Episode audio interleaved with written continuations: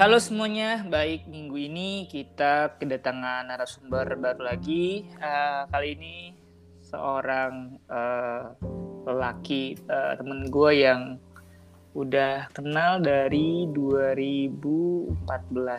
Eh iya nggak ya? Iya. 2014 bener ya? 2014, betul. 2014 terus juga ya berbagai kesibukan secara pribadi terus sudah ketemu lagi tahun kemarin dan sekarang kita udah berkarir di dunia masing-masing gitu ya tepatnya. Oke, saya hello dulu buat Mas Danang Fajar Pamungkas. Saya hello dulu Mas buat eh, teman-teman yang dengerin podcast kita minggu ini. Halo semuanya pendengar Oya Talks. Oke, lo apa kabar nih Pak? Alhamdulillah baik, Baik ya. baik, baik, baik begitu. Baik-baik begitu. Eh, kesibukannya kantor gimana aman?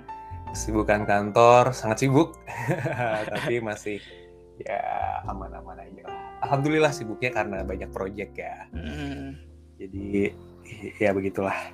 Hmm, Oke, Eh, kita minggu ini ngomongin seputar eh, pengalaman lu ya, pengalaman di, di di pekerjaan yang sekarang gitu. Hmm. Sebagai ini kan eh, lu mentionnya kuantitatif researcher, researcher betul. iya benar. Eh, sebelum ke sana nih, kan lu kerja di Nielsen IQ Indonesia bener ya? Betul betul. Ini anggap aja gue nggak tahu dan teman-teman di sini nggak tahu gitu. Da- dari lu punya pribadi, ini perusahaannya apa sih pak dan bergerak di bidang apa gitu? Eh, sebenarnya Nielsen IQ ini dulu ya, namanya adalah Nielsen Consumer Mm-mm. Jadi ya, eh, mereka ini bergerak di bidang marketing research, research pemasaran. Mm-mm. Jadi eh, tujuan kita adalah mengetahui apa yang diinginkan oleh konsumen, kemudian eh, memberikan insight tersebut kepada perusahaan-perusahaan lain yang membutuhkan gitu. Macam-macam Hmm. perusahaannya banyak. Eh, di gua sendiri itu sebenarnya bisnis unitnya ada di eh, consumer insight atau customized intelligence. Jadi kita marketing research yang eh, fleksibel dalam Hmm. artian eh, apa yang diinginkan oleh klien, eh, jenis Hmm. risetnya entah mereka mau eh, tahu customer satisfaction atau brand health mereka Hmm. itu kita bisa kerjakan secara custom gitu eh, sesuai dengan keinginan mereka. Jadi ya basically kayak gue ngerjain skripsi gitu, model-modelan gitu lah. Kalau Oh. kalau lu kuliah di manajemen, skripsinya misalkan analisa brand health eh, yang isinya adalah awareness dan segala Hmm. macam itu itu kerjaan gue se- sehari-hari. Oke oke. Eh, lu sekarang masih WFA nggak? Saya terakhir kita ketemu kan masih WFA kan yang Betul. Eh, kantor gue masih WFH 100% sampai eh, awal Maret ini. Hmm, Dari- selain Dari Maret 2020. Jadi udah dua tahun Hmm. WFH. tapi Maret udah masuk kantor lagi udah dia. Eh, kemungkinan masih eh, belum belum final ya keputusan. Iya sih benar. Ha-ha. Karena kasus Omikron juga lagi naik lagi. Hmm. Eh, jadi ya mungkin akan diperpanjang ya karena Hmm. eh, dari global sendiri eh, Nielsen IQ global itu Hmm. secara apa ya secara prinsip mereka memang lebih eh, mengutamakan kesehatan associate-nya jadi ah, Mhm. kalau bisa kerja di rumah kenapa harus ke kantor gitu Hmm. Oke, apalagi Omikron udah makin gila ya. Terakhir yang terakhir gue tahu kayak 7000 nggak sih? 7000 8000-an. sembilan ribu kemarin Oh, udah 9000 ya. Wah, cepat kasus sekali. baru betul Cepet juga ya. Iya. Oke, untuk posisi lu ini kan gue juga baru tahu ya, Pak. Maksudnya eh, yang gue tahu kan ya marketing ada, terus juga legal. HR dan sebagainya. Ini posisi yang gue belum tahu nih seperti apa kerjanya kuantitatif researcher gitu kan ya. Eh, basically Hmm. ah, basically kita membantu eh, bagian researcher atau ba- bagian marketing sebenarnya dari perusahaan-perusahaan klien. Sebenarnya Hmm. gua adalah eh, semacam analis gitu ya, research Hmm. analis eh, yang bergerak di eh, untuk klien-klien di bidang finance, jadi bank, asuransi, eh, kemudian ada fintech juga kita klien-klien kita seperti itu. Jadi basically eh, apa yang dibutuhkan oleh marketing dari suatu bank katakanlah begitu, eh, Hmm. mereka ingin tahu gitu pendapat konsumen atau Hmm. eh, bagaimana posisi brand mereka di antara Hmm. kompetitornya itu eh, mereka larinya ke kita. Jadi karena memang eh, riset itu adalah suatu apa ya suatu kegiatan yang bisa dibilang mahal ya Dalam Hmm. artian kalau lu nggak punya resource di perusahaan lu uh, untuk mem, apa ya, untuk mendapatkan suatu angka atau suatu insight yang memang uh, bisa diandalkan itu akan Hmm. sulit sekali. Jadi uh, larinya ke uh, market market researcher gitu. Kayak perusahaan gua. Dari Hmm. hmm, gimana? dan itu basically semua hampir semua perusahaan yang punya mass market ya artinya eh, entah itu bukan cuma di finance gua aja di di tim bukan di tim ya Eh, maksudnya kalau di gua itu di perusahaan itu ada berbagai vertical team vertical team ini punya kekhususan Hmm. eh, apa ya kekhususan skill gitulah jadi ada yang memang eh, fokus ke klien-klien finansial, ada juga yang fokus ke klien FMCG, ada yang ke Hmm. rokok, otomotif, and Hmm. gas dan segala macam seperti itu. Hmm, Oke. Eh, basically dari sebelum lu kerja di sini apa udah apa udah emang targetnya kerja yang seperti ini atau gimana pak? Kalau gue sendiri pribadi memang eh, apa ya bisa dibilang ini adalah dream job gue ya. Hmm, Karena- Oke. Ah, sebelumnya gue itu ngelanjutin S2 di MMUI di, di jurusan marketing manajemen dan Hmm, pas akhir dua dua semester akhir itu gue apa ya, istilahnya terbuka gitu pandangan gue tentang market Hmm. research karena gue Hmm. ngerjain tesis hmm, dengan dosen yang super asik waktu itu super super helpful lah jadi Hmm. gue apa ya pandangan gue tentang suatu riset terutama riset pemasaran riset Hmm. sosial begitu hmm, yang hmm, sebelumnya kayak apa sih kayak ribet atau Hmm. susah gitu itu jadi Hmm. terbuka banget dan apa ya merasa wow eh, riset itu ternyata asik ya kayak gitu hmm, jadi hmm. setelah setelah eh, pas di semester akhir gue ditanya sama mentor gue jadi di di MMUI itu dulu ada ada proses mentoringnya kita Hmm. dikasih eh, seorang eksekutif gitu untuk jadi Hmm. mentor kita di perusahaan jadi eh, ditanyain mau kerja di sektor mana gitu gue Hmm. waktu itu ingat banget gue bilang mau kerja di mar- eh, marketing research agency jadi ya Hmm. diterima kerja di Nielsen ini gue sangat-sangat bersyukur ya Hmm, Eh, dalam artian itu adalah it's my dream gitu Iya, it's my dream. begitu Eh, Oke, ini salah satu mimpi juga untuk untuk karir. Tapi kan pasti ada eh, apa ya? Setiap kerjaan kan walaupun ya kerjaan gue sekarang gue juga mi- mimpi gue yang se- sebelum gue kerja gitu kan. Tapi pasti ada tantangan juga kan ya. Betul, setelah, betul. Setelah terjun, setelah lu berkarir di sini, tantangannya nya apa pak? Eh, pertama yang diajarin di kuliah itu nggak semuanya kepake Benar. di di kerjaan gue walaupun sama ya Heeh. gue tuh eh, ngerjain riset riset pribadi ngeriset buat tesis Mm-mm. itu eh, hampir ya suatu kayak dua sisi mata koin yang berbeda dengan yang kerja kerjaan gue sekarang. Maksudnya apa yang eh, diriset oleh akademik secara akademis gitu ya untuk tujuan Hmm. akademis itu Hmm. berbeda dengan eh, kebutuhan pasar gitu. Mm. Eh, basically pakai teori yang sama, maksudnya eh, frameworknya masih sama, cuma cara lu meriset kemudian eh, apa ya tantangan di dalam risetnya karena lu sekarang berhadapan dengan klien yang membutuhkan data eh, Hmm. yang apa ya yang bisa diandalkan gitu. Mm. Jadi eh, lu harus super teliti, lu harus eh, benar-benar mastiin kalau semua proses dan desain dari riset lu itu eh, benar-benar mewakili apa yang eh, apa suara pasar kayak gitu. Jadi Hmm. karena kuantitatif itu kan sebenarnya kita eh, apa ya memberikan data, kita kan me- mengambil sampel yang merepresentasikan populasi gitu. Jadi Mm. sebisa mungkin eh, margin of error-nya itu kecil. Jadi itu sih tantangan terbesarnya. Hmm, Oke, selama selama berkarir ini apa namanya? Oh, pernah errornya nggak? Apalagi human kan, human error pasti Ah. ada. Ada nggak lu secara pribadi gitu? secara pribadi pasti dalam prosesnya ada Uh, Mm. karena gue juga baru ya maksudnya nggak uh, baru di perusahaan ini jadi masih proses adaptasi juga masih banyak dan syukurnya atasan-atasan gue bahkan sampai level director pun itu membantu buat uh, belajar gitu jadi Hmm. gue tuh nggak benar-benar dilepas untuk melakukan suatu riset jadi masih uh, kita tuh ada tim yang dari manajer sampai director yang masih turun tangan untuk melakukan suatu riset. Jadi ketika gue uh, lakuin suatu kerjaan udah selesai, nanti itu akan direview oleh atasan gue gitu. Dan hmm. ya bisa dibilang ya masih banyak. Kalau dibilang banyak ya masih banyak banget salahnya dan kekurangannya. Tapi hmm. ya hopefully ke depannya masih uh, gue akan berkembang dan hmm. bisa lebih lebih apa ya lebih lebih oke okay sih. Iya benar. Berproses ya, Bay. Apalagi betul, kita betul, masih baru-baru berkarir kan masih ada aja hal-hal baru. Betul. Salahnya gitu.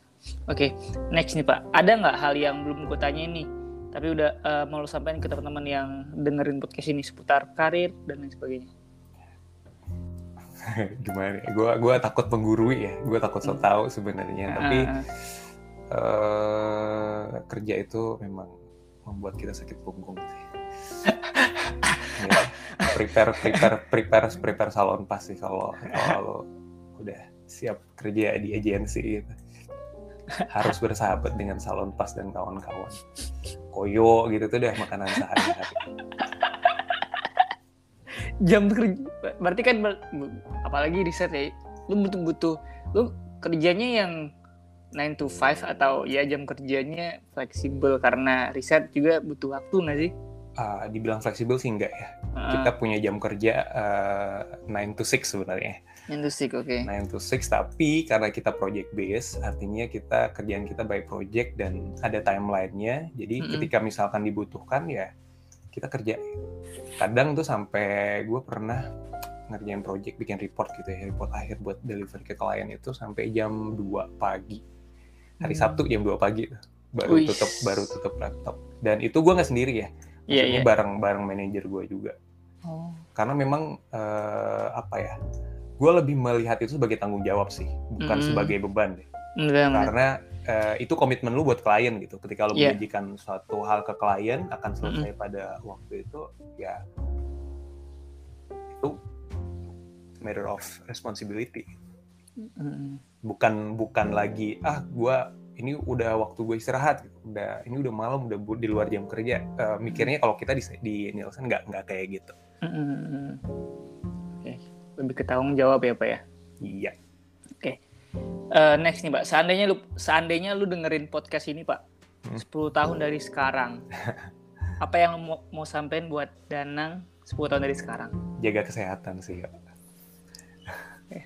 selain itu selain itu mungkin apa ya gue nggak nggak nggak nggak ngebayangin sih 10 hmm. tahun ke depan tuh hmm. uh, apalagi di kerjaan sekarang tuh kayaknya akan sama ya kerjaan gue sampai 10 tahun ke depan maksudnya kalau misalkan gue stay di tempat yang sama hmm. hopefully stay di tempat yang sama sih karena manajer gue pun 10 tahun uh, dia udah 11 tahun masa kerja hmm. dan kerjaannya masih sama hmm. cuma tanggung jawabnya yang uh, bertambah gitu benar benar uh, kerjaannya masih hampir sama sama gue gitu reporting terus ke klien uh, ngecek visioner kayak kayak gitu. Masih hmm. masih masih sama.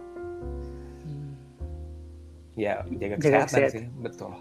Kesehatan lebih lebih lebih penting gitu tentu daripada karir lo pasti. Iya iya sih benar banget ya, sih. Apalagi mental kesehatan hmm, mental benar benar. apa gunanya kita banyak duit ya tapi sakit betul betul betul. Nggak sakit-sakitan dan nggak bisa menikmati itu. Iya benar uh bener sih ya semoga lu dengerin lagi deh dari sekarang tapi semoga Spotify belum bangkrut ya Wah, ini kan iya Spotify iya kan ya. Iya sih benar. Tapi ini ada di yang lain juga. Apple Podcast juga bisa. Ah, ya. Google Podcast juga ada. Di semua platform ada sih gue. Berkaca, berkaca sama sosial-sosial media yang udah apa yang udah gulung tikar ya uh. kita nggak tahu ya 10 tahun ke depan iya lagi ha, dinamikanya akan seperti apa karena iya perkembangannya lagi. cepet ya cepet banget dinamikanya perubahan banget bayangin lu SMP masih SMA lah SMA masih keren Lebih banget ya. gitu pegang BlackBerry kan iya lagi bener ya. broadcast sekarang dua katakanlah lima tahun yang lalu udah nggak ada yang pakai BlackBerry gitu. jadi ya ya hopefully masih uh, nggak nggak nggak tergerus ya cuma ada yang hmm. ada yang ada perkembangan yang membuat hmm. lebih baik kompetitor dan lain sebagainya juga. Hmm. Tapi menurut gue podcast tuh masih apa ya? Masih jadi alternatif entertainment yang masih oke okay sih. Hmm. Uh, ngelihat radio aja sekarang masih banyak yang dengerin radio. Hmm. Coba ya gitu udah berkurang pasti berkurang karena dinamika media sekarang juga udah pesat banget hmm. benar benar benar uh, next ada hal yang mau tanya ke gue nggak gue tanya sih lu kan HR ya oh eh oke okay. banyak sih sebenarnya pertanyaan gue sama HR tuh eh, silakan silakan kalau HR tuh uh, lu ada ngerasa bersalah nggak sih dengan hmm. maksudnya gue ngebayangin hmm. kalau misalkan gue jadi HR gitu harus uh, katakanlah memutus kontrak seseorang atau hmm. Enggak menerima seorang di satu kerjaan gitu loh hmm. di satu sisi ada rasa kasihan atau memang itu jadi apa ya ya ini hmm. kerjaan gue gitu gue nggak boleh hmm. terbawa sama hmm. diri gue gitu ada nggak sih kayak kayak gitu oke okay. uh, eh, di sekarang sih udah nggak ada karena apa ya as a profesional ya misalnya gue di, hmm. di di kerjaan yang sekarang juga di di di, di HR juga gue secara profesional aja nge ya yang yang yang sampaikan juga kayak teman-teman gue juga banyak kok yang yang apply ke kantor gue yang sekarang gitu kan hmm. atau nggak gue terima-terima juga saya nggak yang nggak gue shortlist juga CV-nya gitu karena belum sesuai kualifikasi okay.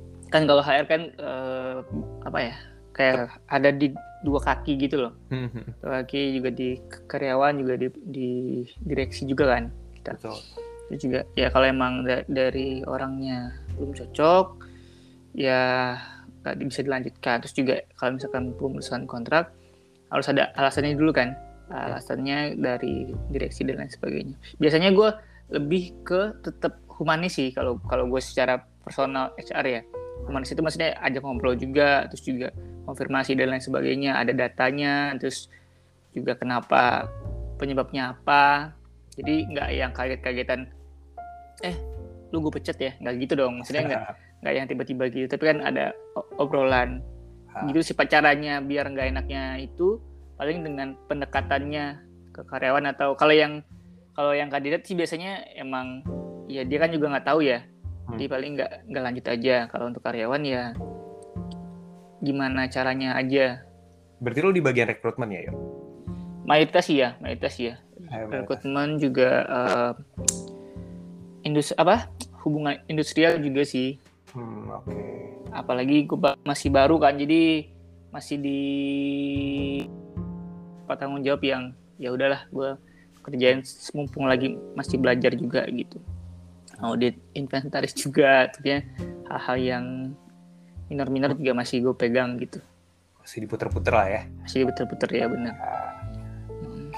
Ini ngomong-ngomong rekrutmen gue ada cerita lucu sih soal gimana kenapa kenapa rekrutmennya cepet banget sih ah. itu cuma uh, tiga hari kerja ah.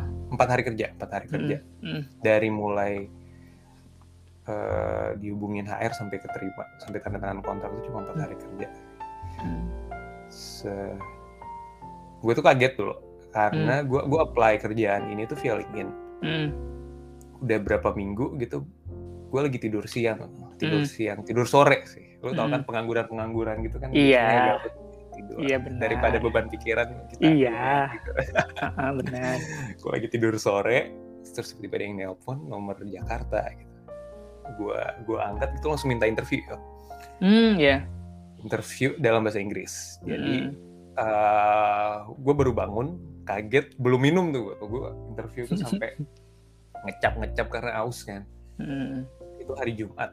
Hari hmm. Jumat gue diminta prepare buat uh, ini sih buat apa buat siapin case study di hari hmm. Seninnya hmm. jadi uh, di hari Senin itu gue present harus present PPT semacam report gitu hmm. ke user hmm. uh, dengan waktu waktu preparation tuh 5 jam doang. Jadi gue dari jam 11 pagi, gue dikasih bahannya jam 11 pagi dan reportnya hmm. harus selesai jam 5. Hmm. Gitu. Sampai akhirnya hari setelahnya gue dikabarin keterima. Dua hari itu, setelahnya ya, dua hmm. hari setelahnya. Gue kabarin keterima dan langsung tanda tangan kontrak. Itu pengalaman yang apa ya, unik sih menurut gue ya. Karena hmm. kebanyakan uh, gue sempat ngelamar-ngelamar juga kan di tempat-tempat lain gitu. Mm-mm. Kayak uh, dari proses A ke B itu katakanlah dari uh, psikotes terus ke Mm. interview itu bisa dua minggu sendiri. Mm-mm. Dari interview ke proses selanjutnya bisa dua minggu sendiri. Ini gue kaget banget sih Mm-mm. bisa secepat itu. Paling kalau gue bocorin sebenarnya apa ya? Bukan bocorin juga sih. Sebenarnya kalau misalkan emang kandidatnya potensial sih lebih cepet bisa sebenarnya. kan. Maksudnya bisa juga. Misalkan kayak lu kayak eh, lu juga berarti ada interview sama user juga sama Iya. atau sama sekarang kan ya? Iya Iya kan? betul. Mm. Itu Sebenarnya eh, bareng di hari Senin itu jadi setelah gue present case tadi langsung Mm. interview user gitu. Hmm, hmm, Oke, ya bisa kayak gitu sebenarnya. Kalau misalkan emang, gue juga kemarin eh nge-hire apa ya, nge-hire trainer gitu kan, Hmm. Eh, training development buat kantor di Bandung. Hmm, kurang lebih nggak empat hari juga sih, satu minggu lah. Hmm. Saya kan ada beberapa kandidat aja kandidatnya. Untuk case dia sendiri ya satu mingguan karena juga langsung dihajar aja psikotes terus user terus juga tim yang di Bandung udah oke udah langsung kontrak. Hmm. Tapi kan enggak saya eh, alhamdulillahnya berarti kualifikasi lo cocok nih buat perusahaan yang sekarang di Nielsen kan ya. Tapi Hmm. pasti juga banyak orang-orang yang ditolak-tolakin. Iya, kayaknya screening yang banyak ini dari CV deh kayaknya Heeh. menurut gue. Hmm. Jadi nggak melamar, melamar juga sering CV itu cukup eh, krusial juga. Hmm. Ya kan ada juga CV-CV yang caur. Ya, lu sendiri prefer CV yang didesain-desain gitu apa polosan aja yuk? Gue sebenarnya, ya? hmm, gue sebenarnya nggak kayak gimana pun CV-nya ya itu tergantung kreativitas dia ya. Yang penting informatif ya. Iya benar yang penting informatif tuh juga gue tahu gitu yang oh dia dia pernah kerja di sini dia, dia kuliah di mana terus ada kontak yang bisa dihubungi gitu itu sih paling penting kan nggak mungkin dong CV-nya keren pengalamannya oke tapi nggak ada nomornya atau nggak ada emailnya kan terus saya mau, gue cari Instagramnya gitu kan nggak nggak gitu dong Cari stalking. Iya. nggak mungkin gue cari. Instagram kan pasti hubunginya via eh, telepon atau enggak ya email. Iya. dua hal itu. Itu sih paling. Kalau untuk desain ini kan banyak tuh eh, lebih baik CV-nya kayak gini atau kayak gini. Kalau gue pribadi sih ya yang mau kayak gimana pun ya bebas sih kalau gue ya. Intinya isinya aja. Banyak tuh yang nanya-nanya ke gue gitu. Bang. Ada lagi nggak pak yang mau lu tanyain pak Apa ya? Belum sih ya sekarang ya. Nanti gue chat sendiri deh. Wih, Enggak, enggak, enggak, enggak chat. next day Wih, kita terakhir ngo- ngopi itu kapan ya? Desember eh November ya? September, September. September. Oh iya September. Gue ingat banget. September Oh, jadi kan- 2021. Oh iya Septem- September gue masih di kantor yang lama itu. Ah iya. Yang lama yang sebentar doang. Setelah itu menganggur lagi saya. Sekarang alhamdulillah sih. Alhamdulillah. Alhamdulillah. Bapak ini sangat membantu saat itu. Bapak lu ke siapa? Bapak Danang Oh, dengan motornya ya. dengan motornya. Itu masih, Alhamdulillah. masih terjebak ya. Motor Terjebak maksudnya? terjebak di Malang. Belum juga. Belum belum belum jadi jadi jadi balik temen gue tuh. Oh itu. Ah, Iya. Oke, orang-orang nggak paham ya apa. Iya iya iya, Iya, makanya skip, skip, apa-apa. Skip skip skip. Apa namanya? Eh, lu masih di Jakarta atau atau Masih, WFH? masih di Jakarta ya? Gue WFH di Jakarta. Sebenarnya bisa sih dari dari mana pun sebenarnya Hmm. karena nggak ada keharusan lu harus ke kantor atau gimana. Iya, Cuma benar.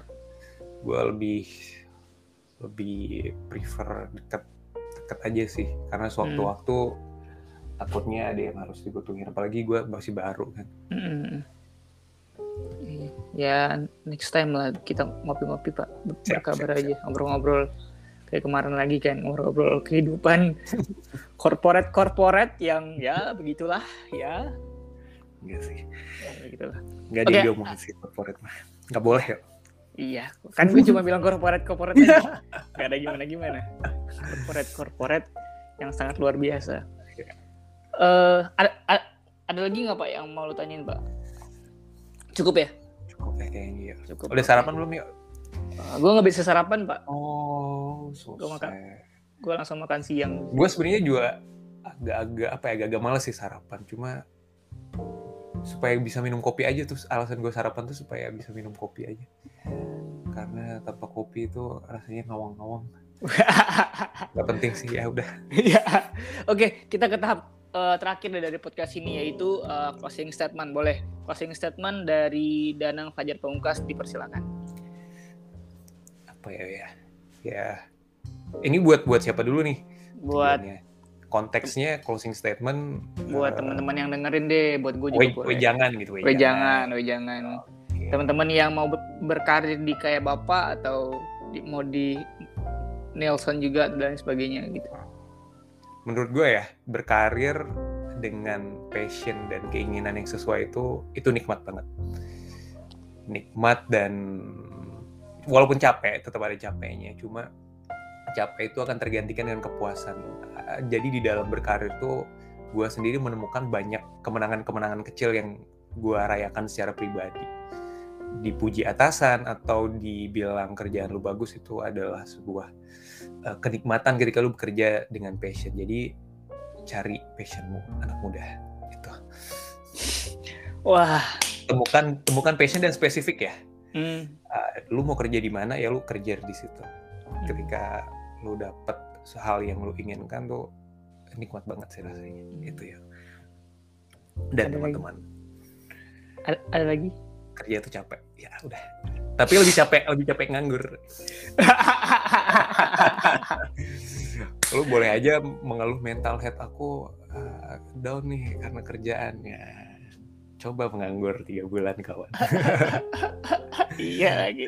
lebih down lagi Iya. kalau lu capek kerja uh, inget Wah, posisi rekening, lu nganggur ya wah rekening ada nambah nih. Iya, iya bener sih. Ya. Ada, ada lagi nggak pak closing statement? udah bayangkan ngomong gue iya, iya nggak apa-apa namanya juga podcast. Kalau banyak kan gerak sih yoga gitu. emang. yoga gak banyak gerak ya Oh iya, oh iya juga sih ya. iya gimana sih kurang riset lu nih lu Iya. hubungin gue aja kalau mau riset Oke, arahnya ke sana ya. Oke, karena boleh, riset boleh. konten boleh boleh.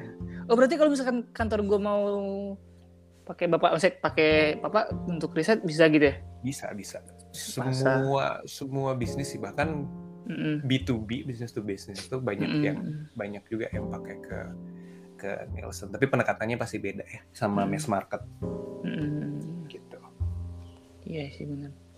Ya oke, ntar kita kalau gue membantu perusahaan gue yang sekarang gue rekomendasiin deh. siap siap siap Paling dapat fee dia kali ya. Jangan bercanda, nggak bercanda, nggak ada bercanda. Itu bercanda kok, tenang aja. Oke baik, eh, thank you eh, bro untuk thank you juga yo waktunya. sudah Udah- diundang gue ganggu waktu pagimu dengan kopi dan sarapan. nggak Iya gue sih. belum sarapan kok sekarang Gue belum Eh, sarapan. kalau ya. kalau weekend tuh nggak nggak nggak butuh ngopi ya oh, jadi sarapannya fleksibel Hmm. weekend itu biasanya pergi sama doi kali ya. Eh, sama kucing sih Wah, gue masih ada kerjaan sih nih gue harus Oh. kerja lagi mungkin eh, dia dia makan siang nanti Iya lagi bener, gue juga ada ada beberapa hal. yang- Gitulah PR ya PR yang maksudnya ya a tanggung jawab aja gitu kan, Ya. tanggung jawab karena kerjaan gitu. Yaudah, Eh, sorry pak kalau misalnya ada ada kata-kata gue yang kurang sopan sih, kurang sopan, formalitas sekali sama gue juga minta maaf kalau ada yang kurang-kurang ya. Siap, siap. Hmm. Oke, okay. thank you buat teman-teman yang udah dengerin podcast uh, kami minggu ini. Semoga ada yang bermanfaat bisa diambil. Kalau nggak ada bermanfaat ya udah nggak. Sekali lagi tunggu juga buat teman-teman yang udah dengerin sampai detik ini dan sampai jumpa di podcast minggu depan. Dadah semuanya. Thank you, bro. Dadah. Thank you. Ya, Ayo. thank you.